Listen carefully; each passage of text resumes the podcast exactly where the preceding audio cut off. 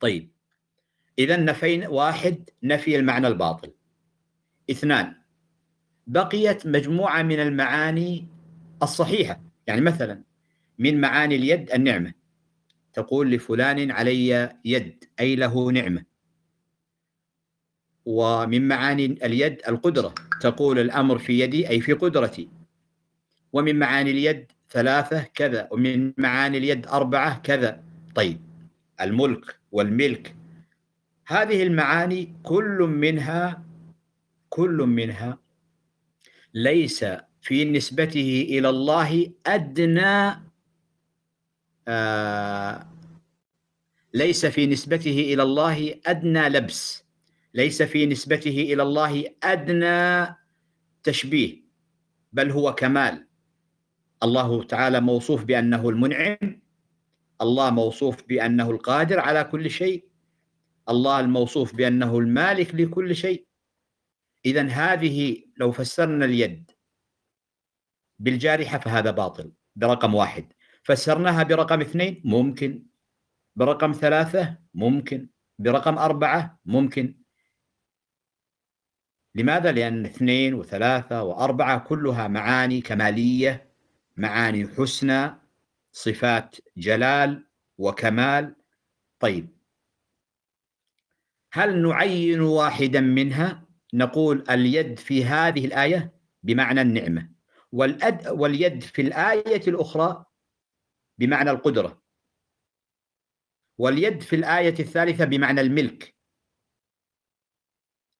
هذا التعيين هو ما يسمى بالتأويل التفصيلي. التفويض ألا تعين ألا تعين. تقول لليد معاني معروفة عندي ليس أن اليد أن الله خاطبنا بلفظ ليس معلوما عندنا. لفظ اليد معلوم عندنا. لكن أي المعاني أراد في هذا الموضع؟ وأي المعاني أراد في الموضع الثاني من سورة كذا في القرآن؟ وأي المعاني أراد في الموضع الثالث من سورة كذا؟ تقول أنا أمسك عن تعيينه عن تحديده. لا أقول إن اليد في هذه الآية هي بالمعنى رقم ثلاثة. واليد في الآية الأخرى في سورة الملك تبارك الذي بيده هي بالمعنى رقم خمسة. لا أعين. فترك التعيين هو التفويض. طيب بقينا في جزئية أخرى وهي هل المعاني منحصرة؟ فيما أورده علماء المعاجم. يعني مثلا ذكروا لليد 25 معنى ذكروا للعين 100 معنى ذكروا للاستواء 15 معنى وهكذا. هل المعاني متعينة في هذه؟ أم أنه يمكن أن يكون هناك مثلا للاستواء؟ مثلا الإمام ابن العربي المالكي القاضي الفقيه المفسر قال وللاستواء في كتابه الذي هو عارضة الأحوذي شرح سنن الترمذي. قال وللاستواء خمسة عشر معنى. طيب. هذا ما استطاع العلماء أن يحصروه. هل يمكن أن يكون هناك معنى ستة عشر غاب عن العلماء؟ ممكن. اللغة لا يحيط بها إلا نبي. ممكن. فالخلاصة أنه ترك التعيين هو التفويض. وليس معنى التفويض الجهل بمعنى الآية أننا لا ندري ما معناها وأنها كما قال ذاك الشيخ أن معناها باب باب باب لا ليس هكذا. طيب إذا في الفصل الأول عرفت التفويض وبينت محل التفويض. هل التفويض هو في كل الصفات؟ بمعنى أننا نترك تعيين معنى اليد. فهل نترك تعيين معنى القدرة؟ أننا نقول القدرة الله أعلم ماذا أراد بها من, من معاني القدرة؟ لا. التفويض القدرة معلومة المعنى.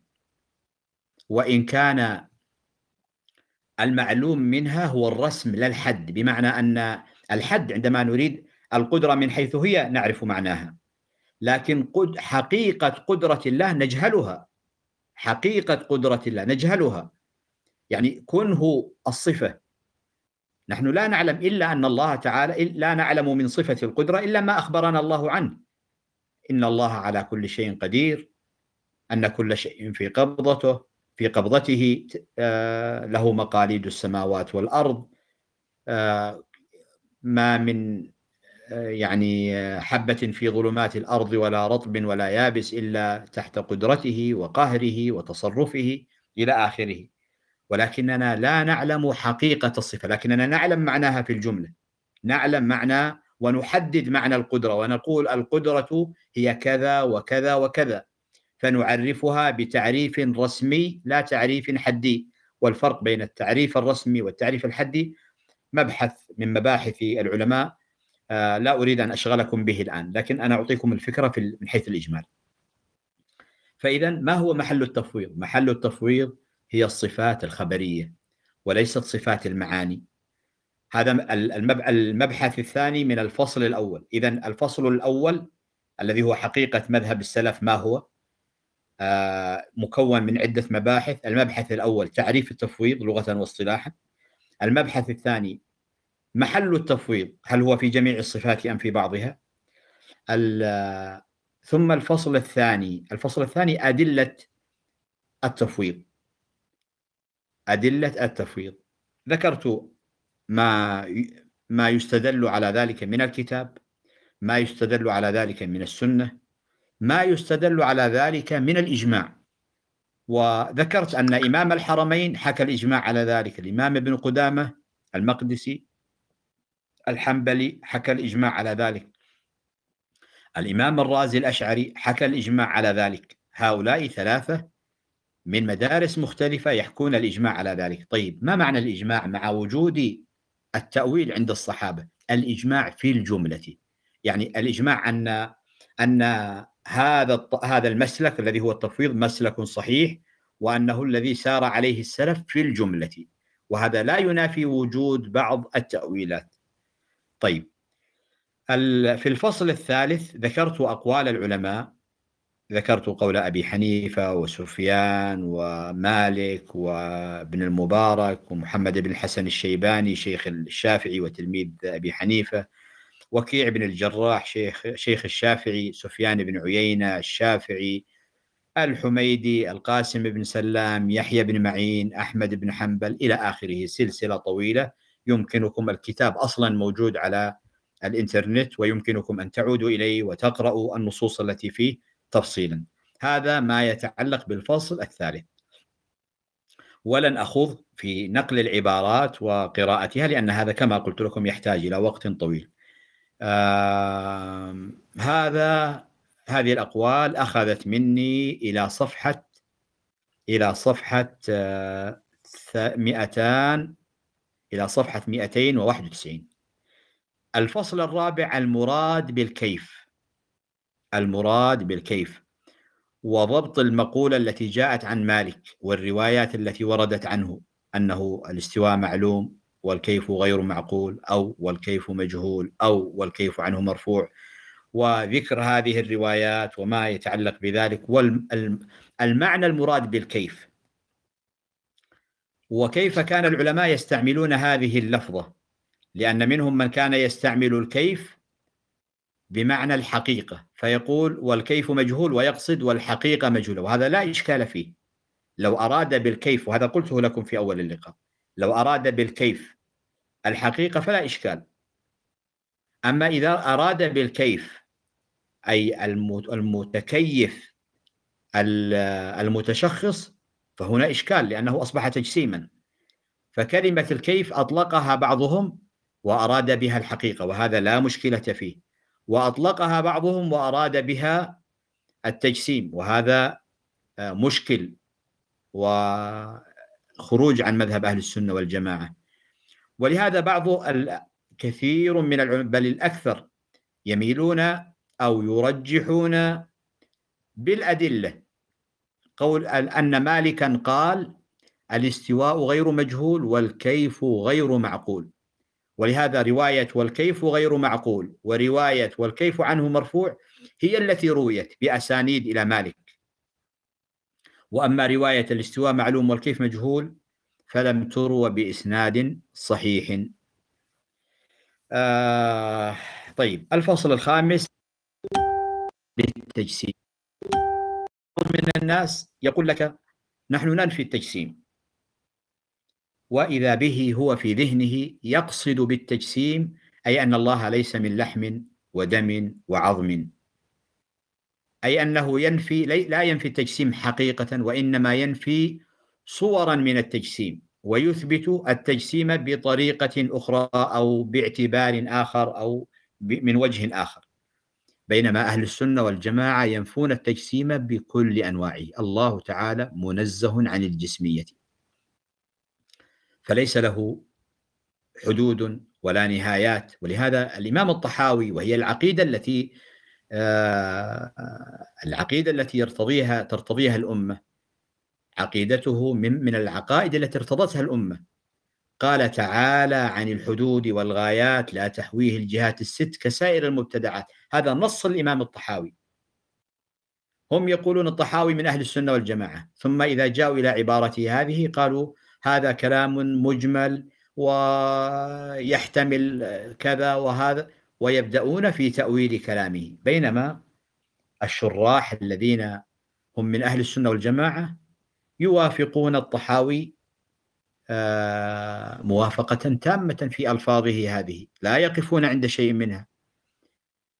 آه، طيب فهذا لهذا قلت لكم عرفت التجسيم ولغة واصطلاحا وذكرت أقوال الأئمة ومنهم الإمام أحمد وغيره في حقيقة الجسم أن الجسم ما كان له طول وعرض وعمق هذا يقال له جسم. ما كان يعني له آه، ما كان له حدود وغايات وأبعاد هذا جسم.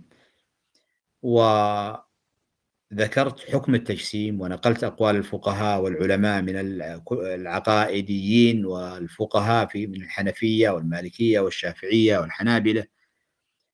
ثم ذكرت بعض عقائد في المبحث الثالث من الفصل الخامس. المبحث الثالث من الفصل الخامس ذكرت حكاية بعض عقائد المجسمة وأن هذه العقائد يعني في كثير منها تتطابق مع ما يقوله للأسف طبعا. نحن لا نحب أن يكون الواقع كذلك لكن تتطابق مع ما تقوله المدرسة السلفية المعاصرة. ثم في الفصل السادس تكلمت عن آه، بعض الاعتراضات والشبهات التي تعترض على التفويض. شبهة مثلا أن التفويض حقيقته تعطيل لصفات الله وقلت هذا الكلام باطل. ودللت على بطلانه. ثم شبهة أخرى أنهم يقولون التفويض معنى ذلك أن الله خاطبنا بما لا نعلم. كيف تعبدنا الله بقرآن نحن لا نعلم معناه؟ وقلت هذا أيضا المعنى هذا الفهم للتفويض فهم باطل وهذا هو معنى قول ذاك الشيخ باب باب باب يعني لا, لا من قال ان أن أن التفويض يعني لا نعلم معناه بل أئمة التفويض الذين ذكروا التفويض هم أنفسهم هم الذين شرحوا الأحاديث التي فيها ذكر الصفات وهم الذين فسروا القرآن الذي فيه آيات الصفات. ولم يقولوا يأتوا إلى آية الصفات وقالوا هذه لا لا هذه نتجاوزها نقفز إلى التي تليها. لا لا يوجد هذا. فسروا القرآن وفسروا الأحاديث فالتفويض ليس معناه عدم فهم المعنى أو أن المعنى غير مفهوم عندنا أو أن الألفاظ لا معنى لها. وذكرت على ذلك أمثلة. آه، مثلا آه، ذكرت المثال الأول قوله قوله تعالى بل يداه مبسوطتان. وذكرت أقوال الأئمة في ذلك. المثال الثاني إن قلوب العباد بين آه، إصبعين من أصابع الرحمن. الشبهة الثالثة أن في نسبة التفويض إلى السلف تجهيل لهم أننا إذا قلنا السلف مفوضة إذا نحن نقول السلف كانوا جهالا. وهذه الشبهة أصلا مبنية على الشبهة الأولى والثانية أن التفويض تعطيل وأن التفويض تعبد بما لا نفهمه وليس الأمر كذلك. كما قلت لكم نحن نعرف ولكن نترك التعيين نترك التعيين والتحديد. آه لماذا؟ لأن الله لم يتعبدنا بذلك. هذه ليست مسألة عملية آه نحتاجها ولا بد. أننا إذا لم نعلمها إذا لم نعلمها لم نتمكن من أداء الصلاة لم نتمكن. لا الصلاة لابد أن تعلم. لا يكفي أن تقول آمنت بالصلاة وفوضت حقيقتها إلى الله. لابد أن تعرفها لأنك ستقوم وتصلي فتعرف أنها قيام وركوع وسجود إلى آخره. فهذه الثالثة أن في نسبة التفويض إلى السلف تجهيل لهم. الرابعة وهي أيضا من الاعتراضات التي يعترض بها المخالفون للتفويض يقولون لو كان مراد الله بصف بنصوص الصفات غير ظاهرها لكان في التعبير بذلك الظاهر تلبيسا على العباد. والله تعالى كلامه مبين واضح وليس فيه تلبيس ولا تعمية. وليس فيه تلبيس ولا تعميه وقلنا بأنه هذه شبهة وقلنا في الجواب عنها بأن نصوص الصفات آه، أو النصوص المتحدثة عن الله تعالى منها ما هو محكم ومنها ما هو متشابه. ورد المحكم المتشابهات إلى المحكمات هو منهج القرآن. والله تعالى في كتابه نص على وجود المتشابه. منه آيات محكمات هن أم الكتاب وأخر متشابهات. ما من من يقتصر بنظره على المتشابهات فقط. فالله لم يغوه بل هو الذي أغوى نفسه لأنه لم يسلك الطريق الصحيح في النظر. هو في قلبه مرض. لماذا؟ لأن الله قال فأما الذين في قلوبهم زيغ فيتبعون ما تشابه منه ابتغاء الفتنة وابتغاء تأويله. ولو كان قلبه نقيا من الدغل والمرض لا لسلك المسلك الصحيح بأن رد المتشابهات إلى المحكمات التي هي أم الكتاب المحكمات التي هي أم الكتاب. وهذا المنهج الذي مشى عليه الحنابلة والمالكية والشافعية والحنفية هذا هو المنهج الذي سلكوا عليه ومشوا عليه في ذلك. ثم ذكرت أخيرا سبب تأويل الخلف وقلت بأن الخلف استعملوا التأويل كالدواء. كالدواء عندما يعجز الإنسان عن وتثور في نفسه الشبهات فحينئذ يمكن أن يفسر له النص بمعنى بواحد من المعاني المقبولة اللائقة بالله تعالى ولو كان ذلك على سبيل الظن دفعا لإشكال للإشكال في نفسه وإزالة للوساوس التي تخطر بباله. آه الآن أستطيع أن أقول بأنني أعطيت آه يعني أنا الآن كنت أنظر إلى فهرس الكتاب ولخصت لكم من خلال فهرس الكتاب الذي أمامي أهم الأفكار التي في الكتاب. آه أعيد الميكروفون إلى مدير هذا اللقاء. فليتفضل. جزاكم الله خيرا سيدي ونفعنا الله بكم إن شاء الله. آه يعني سيدي نريد أيضا أن يعني نسأل آه، أسئلة في في يعني في هذه المحاضرة. آه، مثلا طيب نحن قلنا وقررنا انه هناك تأويل إجمالي مثلا وهناك تأويل تفصيلي. طيب لو ورد مثلا لفظ كقول كقوله يعني كقوله تعالى مثلا بتثنية الصفة مثل بل يداه مبسوطتان. هنا ثنى الصفة أو آه، يعني وقال أن له يدان. طيب آه، هل يصح أصلا أن أن نثني هذه المعاني؟ يعني مما هو معلوم عندنا سيدي. أننا ننفي الكون الخمسة عن آه، عن الله سبحانه وتعالى في الذات والصفات والأفعال. ف نعم. ونحن نقول أنه لو اتصف بقدرتان مثلا وان له قدرتين مثلا هذا يلزم منه يعني كم متصل في الصفات. وأنت نعم, نعم. وأنت نعم. هل مسموع؟ الصوت مسموع لكنني أرغب أن تكمل سؤالك. آه، أرغب أن تكمل سؤالك حتى يتضح السؤال آه آه طيب آه نحن نقول أنا فهمت مرادك لكن أنا أريد أن تكمل السؤال من أجل الحاضرين طيب جميل سيدي. آه الآن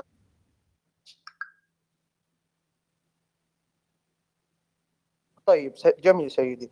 لو قلنا مثلا أن لله سبحانه وتعالى مثلا يدان وأولناها وقلنا أن له أن هذه اليدان هي عبارة عن يعني اليد عناية أو كناية عن القدرة أو أو أنها نؤولها بالقدرة. طيب اليدان هنا هنا يعني تثنية. فليصح أن نقول لله يدان. كما هو معلوم ضرورة يا سيدي أو لا نقول بالضرورة كما هو معلوم بالبرهان العقلي ويعني أن الله سبحانه وتعالى منزه عن هذه الكموم. بمعنى أننا لا نقول لله قدرتان لأنك تعلم يا سيدي أننا لو قلنا لله قدرتان فإما إما واحد يعني إما واحدة منها نافذة والأخرى أصلا تحصيل حاصل. نعم. يعني أو أنها مثلا لا تقدر. آه، طيب. وهنا انتفت القدرة الثانية من كونها قدرة. طيب أو تكون عموماً مثلا عموماً متعلقات عموماً يعني محمد متعلقات محمد. على نفس المقدور وهذا ممتنع أن تتعلق القدرتان مثلا في مقدور.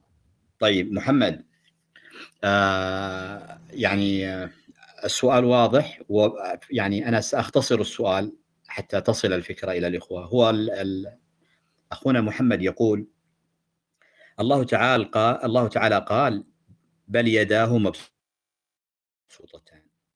لو فسرنا اليد بالقدرة لكان معنى الآية بل بل يداه مبسوطتان أي بل قدرتاه مبسوطتان. والقدرة لا تثنى لأن الله تعالى لا يجوز أن تتعدد صفاته. أن يكون له قدر قدرتين أو قدر قدر جمع قدرة. طيب. أولا عندما نؤول اليدين إذا أولنا مثلا اليدين وانتقلنا من التفويض إلى التأويل وأولنا اليد بمعنى القدرة. اليد بمعنى القدرة. قلنا يدين لا يلزم منها أن تكون قدرتين بل اليدان كناية عن القدرة الواحدة. آه لا يدان قال النبي صلى الله عليه وآله وسلم عن آه، يأجوج ومأجوج وأنهم يأتون وأنه لا قدرة لا يدان لا يدان لأحد بقتالهم.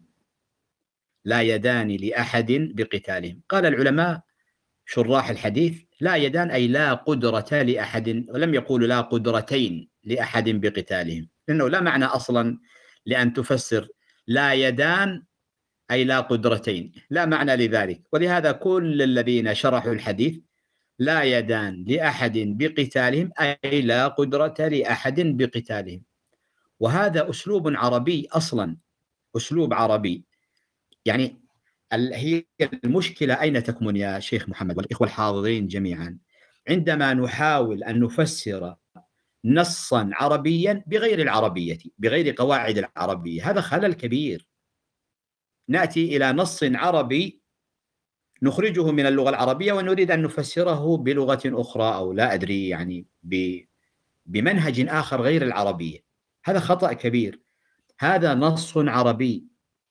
ولهذا لابد أن تعرف منهج العرب. منهج العرب في التعبير عن ما تريده من آه، من العبارات. يعني مثلا في هذه في قول الله تبارك وتعالى آه، عن القرآن الكريم لا يأتيه الباطل من بين يديه ولا من خلفه. من بين يديه ولا من خلفه. ما معنى من بين يديه؟ القرآن له يدين. ليس للقرآن يدين. ما معنى بين يديه؟ يعني أمامه. أنا أسألك عن شيء. أقول لك يا, يا أخ محمد أنا ضاع مني الهاتف. هل رأيته في القاعة التي كنا جالسين فيها؟ تقول نعم نعم. ها, هو بين يدي الآن. بين يدي تقصد أنه أمامي. ليس بين يدي يعني أن أنك قابض عليه باليدين. فالعرب تطلق هكذا تطلق لفظا مثنى وتريد به مفردا. هذا موجود في لغة العرب. فالمشكلة هي كما قلت لك يعني المشكلة أننا نأتي إلى نص عربي هو أبلغ أبلغ النصوص العربية وهو القرآن العظيم بلسان عربي مبين. ونريد أن نفسره بطريقة أعجمية. أظن الجواب وصل أليس كذلك؟ ألو؟ أنا معكم أو قد خرجنا من نعم وصل سيدي نعم نعم وصل. بارك الله فيكم. بس في مشكلة كانوا عند الأستاذ محمد. طيب. طيب سيدي في عدد من الأسئلة إذا بتحب إنك تستخبرهم حتى يعود الأخ محمد. طيب طيب على الرحب والسعة. نعم. هنالك سؤال عن صحة نسبة كتب لأئمة من السلف. هل نتطرق لها أم ندعها في لقاء آخر؟ آه كما تحبون.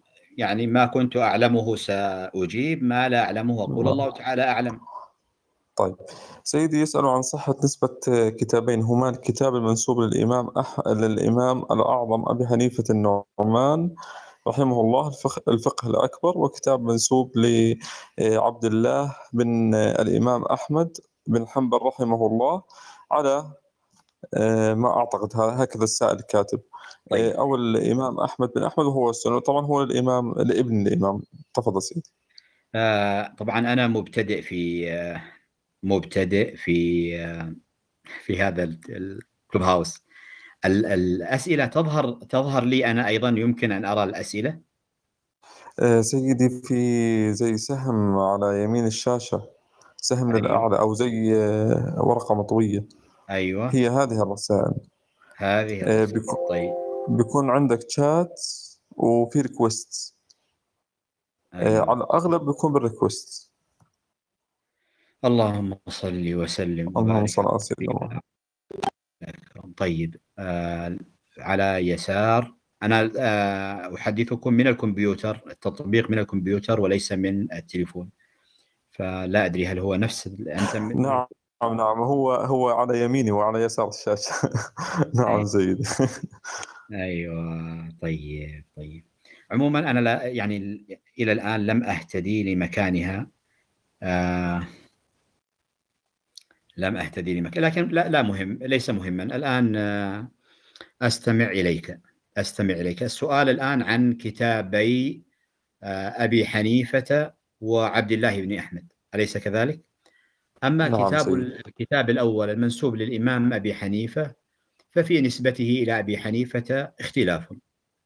أكثر العلماء يصححون نسبته إليه. وبناء على ذلك قاموا بعد أن نسبوه إليه شرحوه من أمثال الإمام الفقيه العقائدي المحدث ملا علي القاري الحنفي. وغيره من الأئمة الذين تولوا شرح آه، الفقه الأكبر. آه، ومنهم من لم يصحح نسبته إليه. ومنهم من صحح نسبته إليه مع وجود تصرف من الراوي الراوي للفقه الأكبر عن أبي حنيفة. يعني مثلا أنه ذكر المعتزلة ذكر المعتزلة. ذكره للمعتزلة قد يقول قائل المعتزلة مثلا ظهروا آه، في زمن الحسن البصري. أليس كذلك؟ لما قال واصل بن عطاء حضر مجلس واصل حضر واصل مجلس الحسن وسأله فقال اعتزل اذهب إلى حاشية المجلس فاعتزل فسم المعت... إلى آخر هذا الحدث المشهور. واصل بن عطاء مولود في نفس السنة التي ولد فيها أبو حنيفة. وتوفي سنة 80 وتوفي قبل أبي حنيفة بعشرين سنة. أبو حنيفة متوفى في في 150 واصل متوفى قبل ذلك لا أدري في 130 أو 133 واصل بن عطاء إذا استطاع أحد من الإخوة الذين معنا في في البث أن يحدد لنا بالضبط السنة التي توفي فيها واصل بن عطاء نشكره على ذلك. المهم أن واصل بن عطاء والمعتزلة ظهروا لنقل في عصر أبي حنيفة فهل اشتهر شأنهم وتسميتهم بهذه التسمية حتى يأتي أبو حنيفة ويذكرهم بهذا الاصطلاح وبهذه التسمية؟ قد يكون هذا محل توقف لكن نحن نجد أن العلماء يروون عقائد من سبقهم. يعني مثلا نجد أن الإمام الطحاوي في الطحاوية نفسها يقول هذا الاعتقاد هو الذي عليه الأئمة أبو حنيفة وأبو يوسف ومحمد بن الحسن إلى آخره. فهو وإن كانت الألفاظ ألفاظ الإمام الطحاوي إلا أن هذا المعنى مروي عن عن هؤلاء الأئمة. نجد أيضا الإمام التميمي الحنبلي آه، يروي عقيدة الإمام أحمد بن حنبل في ألفاظ واضحة جلية مليئة بالتنزيه بعيدة عن التعطيل والتشبيه والتجسيم.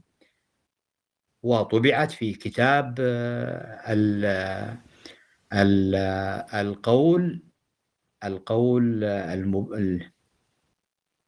القول المبجل في عقيدة القول في عقيدة الإمام المفضل أحمد بن حنبل آه، يعني العنوان قريب من هذا الآن الذاكرة يعني الظاهر أنني بدأت أقترب من الشيب لا سيدي آه. الشباب واصل بن طيب. عطاء آه. رحمه الله توفى سنة 131 هجري 131 إذا يعني قريب مما قلته. فإذا هو بينه وبين وفاة أبي حنيفة يعني هو متوفى قبل أبي حنيفة. فمعقول أنه يعني هل يتصور أن مذهبه انتشر و...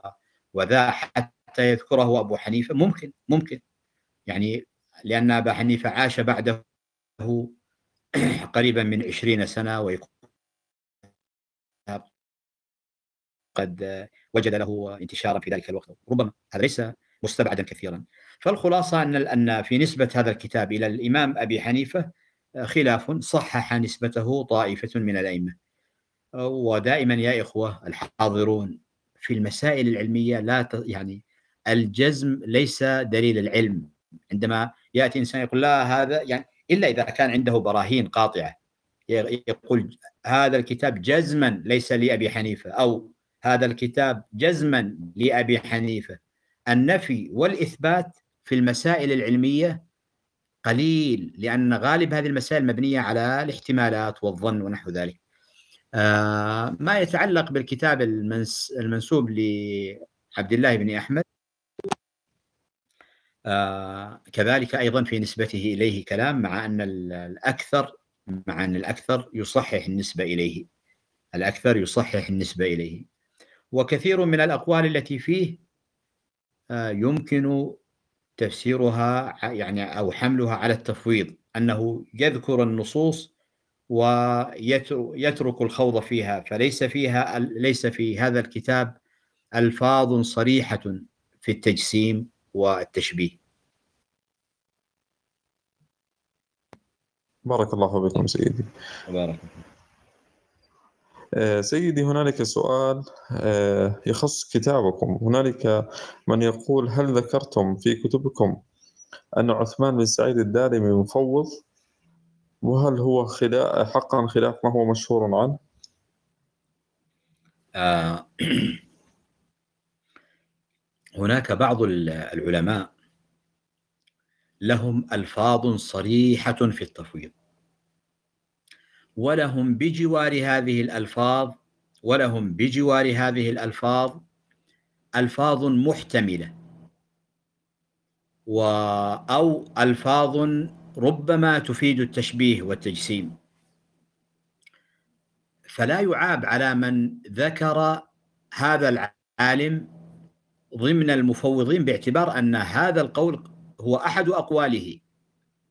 وأن هذه العبارة دالة على التفويض دلالة صريحة.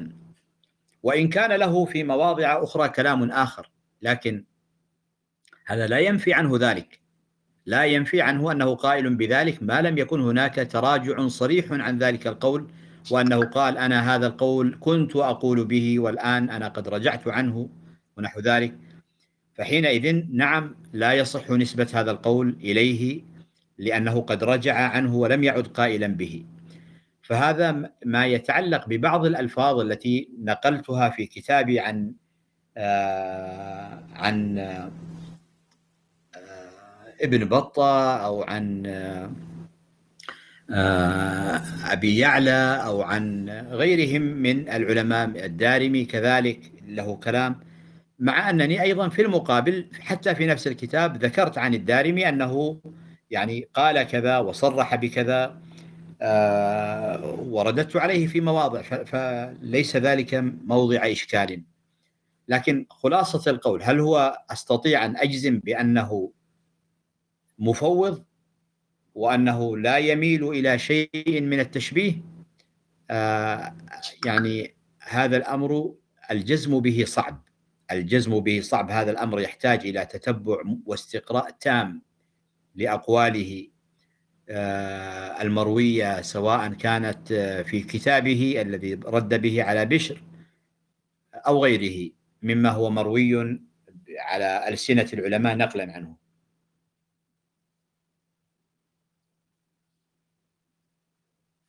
بارك الله بكم سيدي. في آه، سؤال. طبعا أنا ناقل للأسئلة ولست آه، قوله انه في آه، في كتابه في كتاب ردا على اسمه التفويض بين السلف والمتكلمين قوله أنه يحاول أن ينظر في هذا مش السؤال آه طيب. آه سيدي هنالك سؤال مهم. الفرق بين طبعا أنت ذكرت آه ذكرتموه ولكن لعلنا آه الفرق بين التأويل الإجمالي والتفويض. التأويل نعم. التأويل الإجمالي والتفويض شيء المعنى نعم التأويل نعم. الإجمالي والتفويض شيء واحد. يعني صح. المعنى الذي شرحنا به التفويض سابقا هو المعنى الإجمالي الذي يقول مثلا بعض العلماء يقولون آه، هناك طريقتين للعلماء طريقة التأويل الإجمالي وطريقة التأويل التفصيلي التأويل الإجمالي بصرف اللفظ عن المعنى الحقيقي الذي هو مثلا اليد الجارحة والعين آه، الجارحة صرف هذا المعنى. إذا بما أنك صرفت المعنى الحقيقي الجسمي فقد أولت. بما أنك لم تحدد إذا هو تأويل إجمالي. انتقلت من المعنى الحقيقي ولم تعين المعنى المجازي. هذا يسمى تأويلا إجماليا. فإذا حددت واحدا من المعاني فقد انتقلت من التأويل الإجمالي إلى التأويل التفصيلي الذي هو يسمى التفويض. بارك الله بكم سيدي. سيدي هنالك سؤال عن العلامة ابن قدامة آه، المقدسي. ما رأيكم به ومن يشكل عليه خصوصا مثلا في قوله بالعلو وغيره من المسائل؟ آه، مسألة العلو هي من المسائل التي قال بها كثير من الحنابلة. والعلو بمعناه الذي ورد في يعني لا أقول بمعناه العلو من حيث هو ليس موضع خلاف. ليس موضع خلاف. فالله تعالى هو العلي العلي الكبير. و آه، وصفه بالعلو. آه، لا يعني ليس موضع إشكال عند أهل السنة والجماعة. إنما الذي يمنعه أهل السنة والجماعة أن يفسر العلو بالعلو الحسي الجسمي الجهوي المسافي. يعني أن يقال مثلا الله تعالى عال بمعنى أنه في جهة وأنه محدود وأن بيننا وبينه مسافة لأن المسافة لا تكون بين الأجسام بيننا وبينه مسافة. وأن من كان في السماء الأولى صعد إلى السماء الأولى فهو أقرب إلى الله ممن هو في الأرض. قربا حسيا مسافيا أي محسوبا بالمسافات. وإن كنا لا نعرف قدرها بالضبط لكن المهم أنها أنه قرب مسافة. آه وهذا هذا الموضع مشكل. وأما إثبات العلو من حيث الإطلاق وليس من حيث كونه علوا حسيا فهذا هو مذهب أهل السنة والجماعة ومنهم الأشاعرة. منهم الأشاعرة يثبتون العلو علوا معنويا لا علوا حسيا. فابن قدامة أي شيء يثبته؟ الظاهر أنه يثبت الظاهر أنه يثبت العلو ويسميه العلو المطلق. ويطلقون العلو فوق أنه فوق السماوات بمعنى أن المخلوقات تنتهي أن المخلوقات محدودة معدودة منتهية وأنه ليس آه، غيرها إلا المولى جل جلاله وأن أن أنه مستعل عليها. لا أنه في جهة لا أن العلو بمعنى الجهة ولا أن العلو بمعنى المسافة والتحيز والحلول. كل هذه المعاني ينفيها ابن قدامة في كثير من نصوصه. لكن كما قلت لك هو يثبت العلو العلو العلو الحسي من أو لا أقول الحسي يعني يثبت العلو بمعنى أنه آه، فوق آه، السماء فوقية بمعناها اللغوي وليس بمعناها المعنوي بمعناها الحقيقي وليس بمعناها المعنوي. فتصور مذهب الحنابلة في هذا؟ يعني إثباتهم العلو مع نفيهم الجهة ونفي الحد ونفي التحيز آه تصوره تصوره عسير. يعني بمعنى أنه يوجد بينه وبين التنزيه شيء من التعارض وهو ولهذا أباه الأشاعرة أباه أهل السنة الأشاعرة سواء كانوا مفوضة أم مؤولة. وهذه من المسائل القليلة التي حصلت فيها نزاع بين الحنبلية لا أقول الذين سلكوا مسلك الشيخ ابن تيمية بل أتكلم عن الحنابلة الذين سلكوا مسلك أبي يعلى وابن قدامة ولم يسلكوا مسلك ابن الجوزي وابن عقيل ونحوهم. فهؤلاء لهم بعض المسائل هي محل الخلاف بينهم وبين الأشاعرة مسألة الحرف والصوت ومسألة العلو. فهذه من المسائل التي لهم فيها قول لا يرتضيه الأشاعرة. لكن لا نستطيع من خلا من مجرد هذا القول أن نقول بأننا اختلفنا معهم في أصل أو أنهم ذهبوا إلى التجسيم لأنهم مصرحون بنفي التجسيم ومصرحون أيضا. انتبهوا لهذه القضية يا إخوة. مصرحون أيضا بنفي أن يكون المولى في جهة. يصرحون بنفي الجهة. يصرحون بنفي حلول الحوادث في ذات الله. يصرحون بقدم كلام الله سبحانه وتعالى. حتى عندما اختلفوا مثلا مع الأشاعرة الأشاعرة يقولون بلا حرف ولا صوت والحنابلة يقولون بحرف وصوت. الحنابلة قالوا بحرف وصوت قديمين بخلاف كلام ابن ابن تيمية. ابن تيمية يقول بصوت وحرف حادثين. فابن تيمية أصلا يخالف الحنابلة. ومذ الخلاف بين الحنابلة والأشعرية يسير بينما الخلاف بين الحنبلية وابن تيمية ليس يسيرا. والخلاف بين ابن تيمية والأشعرية ليس يسيرا. نعم. بارك الله فيكم. في عدة أسئلة سأختصرها في سؤال واحد لأنه نفس المعنى إخواني.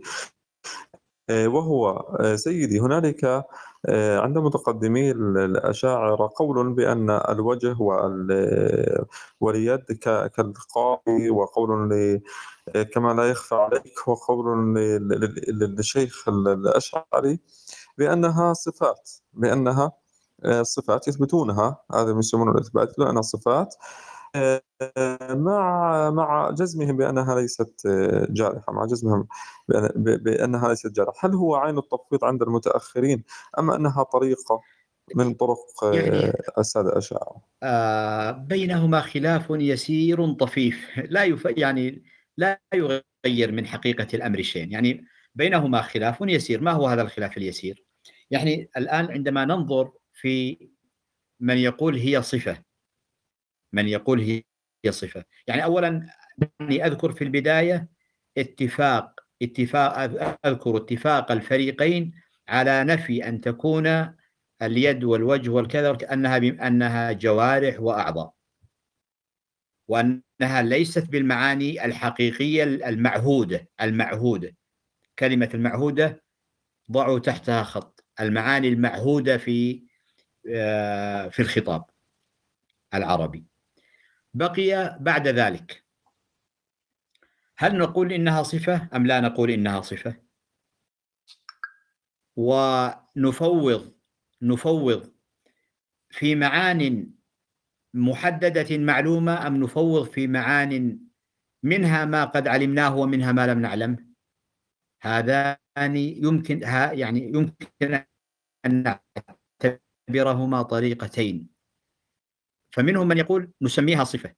وأصلا عندما قال نسميها صفة هو قد سلك مسلك التأويل.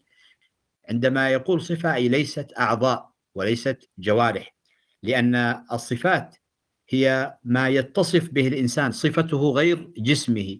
فعندما نتكلم عن جسم الإنسان نقول هو مكون من بطن ورجلين ورأس وعندما نصفه نقول هو كريم حليم عليم. فالعلم والكرم والحلم هذه صفات للإنسان. وأما كونه مركبا من رأس وقدم فهذه ليست صفات هذه أجزاء. فعندما قال أبو الحسن الأشعري بأن الوجه وكذا صفة إذا هي صفات معان. وهذا صرح به الأشعري. وأنا أعجب حقيقة من إخواننا الوهابية والتيمية. أعجب عندما يأتون بكلام الأشعري يقولون انظروا الأشعري قال بأن اليد صفة. يا حبيبي هو قال بأن اليد صفة لكن قال بأنها صفات معان وليست صفات آه، أعيان. صفات معان وليست صفات أعيان. أنت تقول هي صفات أعيان هو يقول صفات معاني بينكما كما بين الثرى والثريا. فإذا هذا مسلك الذي يقول هي صفة ولا نخوض في معناها وننفي أن تكون بمعنى الجارحة هذا مسلك وهي طريقة لأهل السنة. والمسلك الثاني الذي يقول لا نسميها صفات وإنما هي إضافات. وننفي المعنى الحقيقي وهو الجارحة ونفوض علمها إلى الله. جزئية نفوض علمها إلى الله محل اتفاق بين الطريقتين. جزئية أنها ليست بمعنى الجارحة محل اتفاق بين الطريقتين. جزئية هل نسميها صفات أم إضافات؟ محل الاختلاف بين الطريقتين. وكلا هاتين الطريقتين لأهل السنة والجماعة. بارك الله فيكم سيدي. في كمان مجموعة أسئلة سأختصر بسؤال واحد مع صياغته. آه، أنه من حيث الأسبقية أو من حيث الانتساب للسلف الصالح. سيدي الدعوة العريضة أنهم أن أن أنهم آه، يثبتون ما أثبته الله وأثبته نبيه وينفون ما نفاه ما نفاه الله ونفاه نبيه. فهل فعلا الخلاف وقع على ما جاء بالقرآن الكريم على أم على أفهام البعض ولم تأتي هذه الأفهام أصلا بألفاظها على السلف الصالح. يعني سألخص هذه الأفهام التي نختلف عليها كلفظ الجهة، كلفظ الحد، آه، كلفظ الأعيان كما ذكرتم صفات الأعيان، كلفظ التحيز وغيرها. يعني هل هنا الخلاف أم الخلاف على ألفاظ آه، وردت في القرآن الكريم أو أثبتها الله لنفسه كما يقولون ونفاها عن نفسه؟ لو كان الخلاف في أن الله يثبت لنفسه شيئا ونحن ننفي ذلك الشيء لكان هذا والعياذ بالله كفرا وخروجا من الدين. هذا لا يمكن أن يقوله عاقل. الخلاف ليس في يعني أنا أعجبتني كلمة قالها الإمام ابن الجوزي الحنبلي.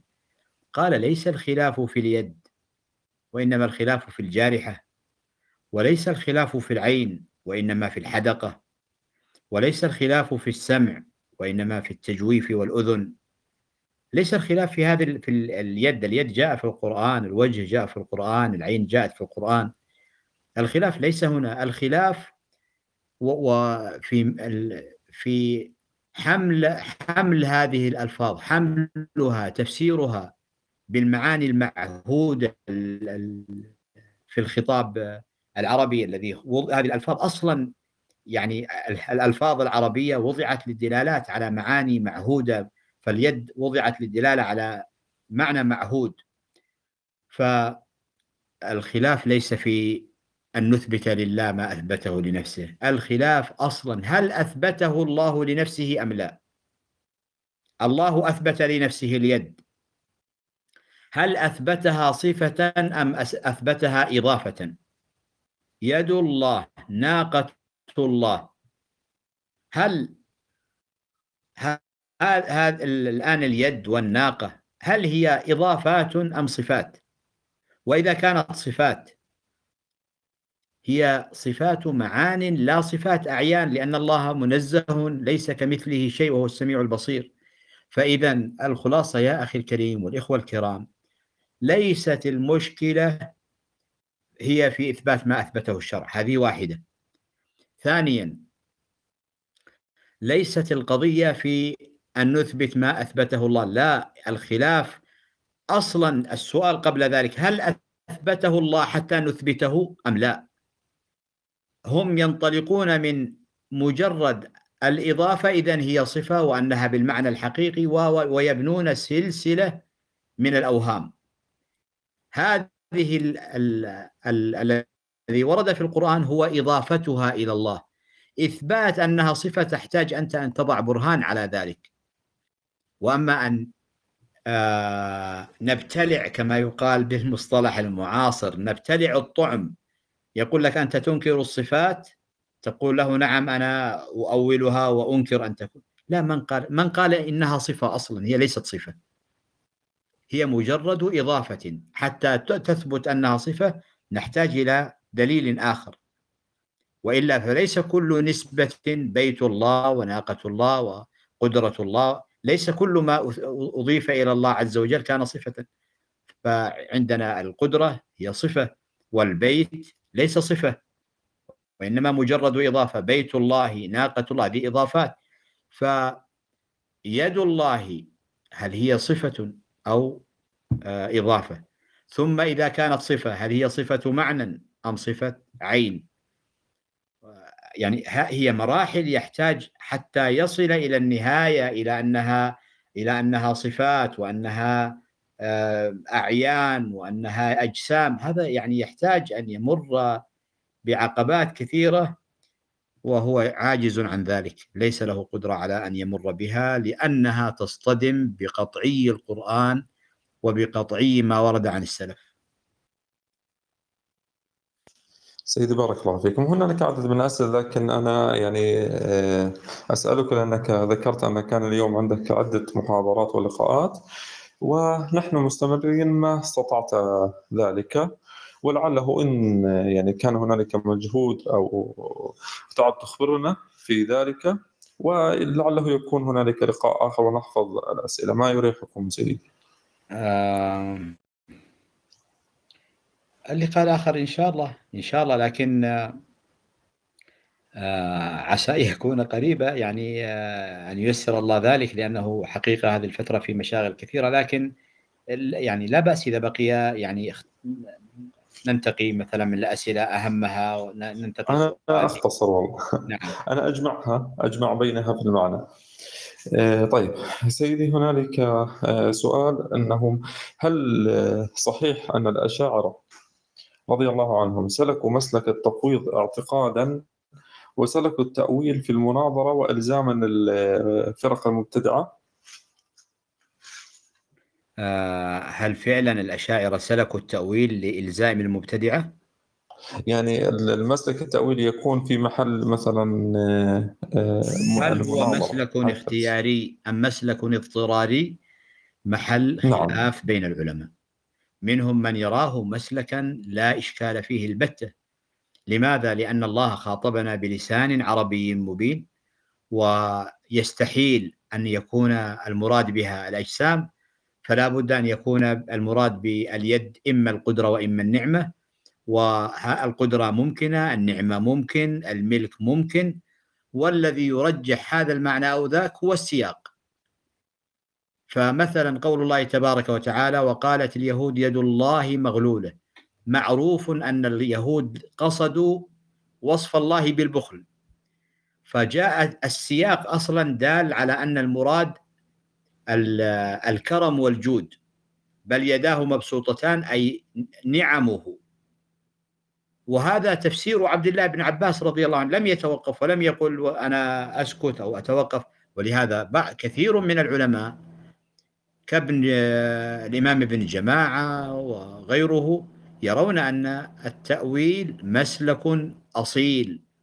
فعله الصحابة وفعله التابعون. و وهذا مروي حتى يعني الإمام أحمد مثلا وجاء ربه قال جاءت رحمته أو جاء أمره. الإمام البخاري يضحك ربنا قال الضحك كناية عن الغفران هذا تأويل الإمام البخاري وغيره تأويل الصحابة تأويل ال... ويعني أنا جمعت هذه التأويلات التي سميتها التأويلات السلفية التأويلات السلفية. ولهذا البعض يرى أن هذا مسلك سلفي أصيل نابع من اللغة التي خوطبنا بها ومحتكم إلى قطعيات الشريعة فلا إشكال في سلوكه والبعض يرى أنه لا الأولى بما أن التأويل لا يعني ليس مقطوعا به وأنه مظنون فالأولى تركه بما أنها ليست مسألة تعبدية. كما قال ابن قدامة في ترجيحه للتفويض قال نحن مأمورون بالإيمان بالتنزيل لا بإدراك التأويل. مأمورون بالإيمان بالتنزيل لا بإدراك التأويل.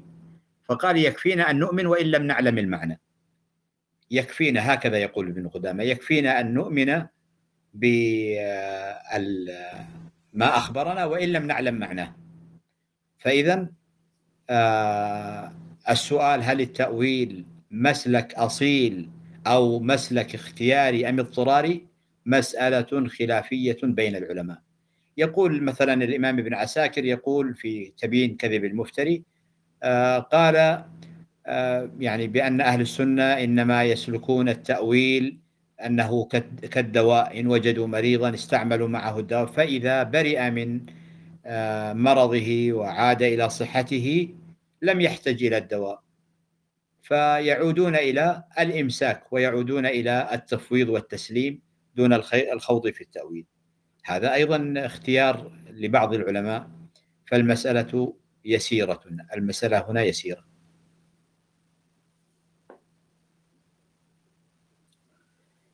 سيدي في هنالك سؤال عن قول الإمام البخاري لفظه في القرآن مخلوق والمحنة التي صاحبته في ذلك. نعم. الإمام البخاري رحمه الله بين مسلكا آه، يصد به أهل الحشو كما يصد به أهل الاعتزال. الحشوية الذين يقولون بأن آه، ألفاظهم أنها كلام الله. بين الإمام البخاري أن القرآن بمعنى ما يقرأه القارئ القرآن بمعنى ما يكتبه الكاتب القرآن بمعنى ما نقش على الأوراق. جميع هذا مخلوق ليس الخلاف في هذا. هذه كلها مخلوقة. ومن ذلك كما قلنا قراءة القارئ ولهذا قال لفظي بالقرآن مخلوق هذا رد على بعض الحشوية. وقوله قولي بالقرآن مخلوق. هذا أيضا رد على المعتزلة لأنه يقول المخلوق إنما هو قولي لا, لا, لا كلام الله تعالى فكلام الله تعالى ليس بمخلوق. فهو إذا كلامه رد على المجسمة الحشوية ورد على المعتزلة في آن واحد. آه اسمك الكريم. أنا زيد. زيد زادك الله من فضله. آه يعني الآن تقريبا ساعة وستة وثلاثون دقيقة. أظن نكتفي بهذا وأعتذر من جميع الإخوة الفضلاء الذين أكرمونا وشرفونا بالحضور في هذا اللقاء وهذه الأمسية. جزاهم الله خيرا. وأعتذر أيضا ممن أرسل سؤالا ولم نجد الوقت للجواب عنه. وعسى آه، إن شاء الله أن آه، يكون لنا لقاء آه، متجدد بكم. يعني هذا تقريبا هو اللقاء الثاني على الكلوب هاوس. وإن كان اللقاء الأول كان يعني قبل زمن أو قبل فترة. وهذا حسابي عندكم. من أحب أن يشترك أيضا لعلنا أن يكون هناك في المستقبل إن شاء الله بعض النقاشات أو الحوارات. أكرمكم الله جزاكم الله خيرا. ويعني أرجو المسامحة على إن كنت قد أطلت عليكم أو أثقلت عليكم. آه بارك الله لنا ولكم في هذه الليلة وفي سائر الليالي وفي سائر الأوقات وجعلها الله تعالى مليئة بالطاعات خالية من الذنوب والمعاصي والسيئات وجمع قلوبنا عليه وأخذ بنواصينا إليه. أخذ الكرام لديه. نسأله جل وعلا أن يوفقنا وإياكم لما يحب ويرضى وأن يرزقنا كمال الإيمان وصحة الإيمان وحسن الاعتقاد. والحمد لله أولا وآخرا ظاهرا وباطنا. جزاكم الله خيرا. آه، أستاذي أستاذي السلام عليكم. آه، وعليكم السلام ورحمة الله. معذرة معذرة النت فقط انقطع عندي. آه، أنا سيدي يعني قبل أن نختم يعني أحببت أن يعني أنوه على أمر على أمر أننا حقيقة نريد أيضا أن نستضيفك في محاضرة أخرى عن البدع الإضافية فهل عندكم مانع سيدي؟ ولما يكون عندي مانع؟ حياكم الله سيدي جزاكم الله خيرا. وأنا أدعوكم حقيقة يعني آه، ان أن تكونوا أصلا يعني أيضا ادمن في في مركز كفاح حتى يتسنى لكم أيضا يعني فتح غرف آه، والبث ويكون خيارا ثالثا غير الفيس وغير التليجرام وما إلى ذلك. ف آه، يعني تشرفون سيدي يعني لو لو أردتم نجعلكم ادمن وتبثون عبر هذه المنصة حيثما يعني حيثما أردتم يعني كيفما شئتم سيدي. فهل يعني عندكم معنى سيدي؟ آه بارك الله فيكم ويعني أتشرف بثقتكم أتشرف بثقتكم وأخشى فقط ألا أكون عنصرا مفيدا معكم لكثرة المشاغل لا سيدي بالعكس بالعكس. بل نتشرف بكم يا سيدي ونتبرك برؤيتكم وبحضوركم يا سيدي. و أنتم ستثرون يا سيدي وستكرمون بالغرف التي تفتحونها إن شاء الله. الله يبارك فيكم ويحفظكم خيرا إن شاء الله. خيرا. كما تحبون كما تحبون. وإياكم سيدي. إذا نتشرف و... ومرحبا بك بين إخوتك وبين طلابك وتلاميذك مرة أخرى سيدي.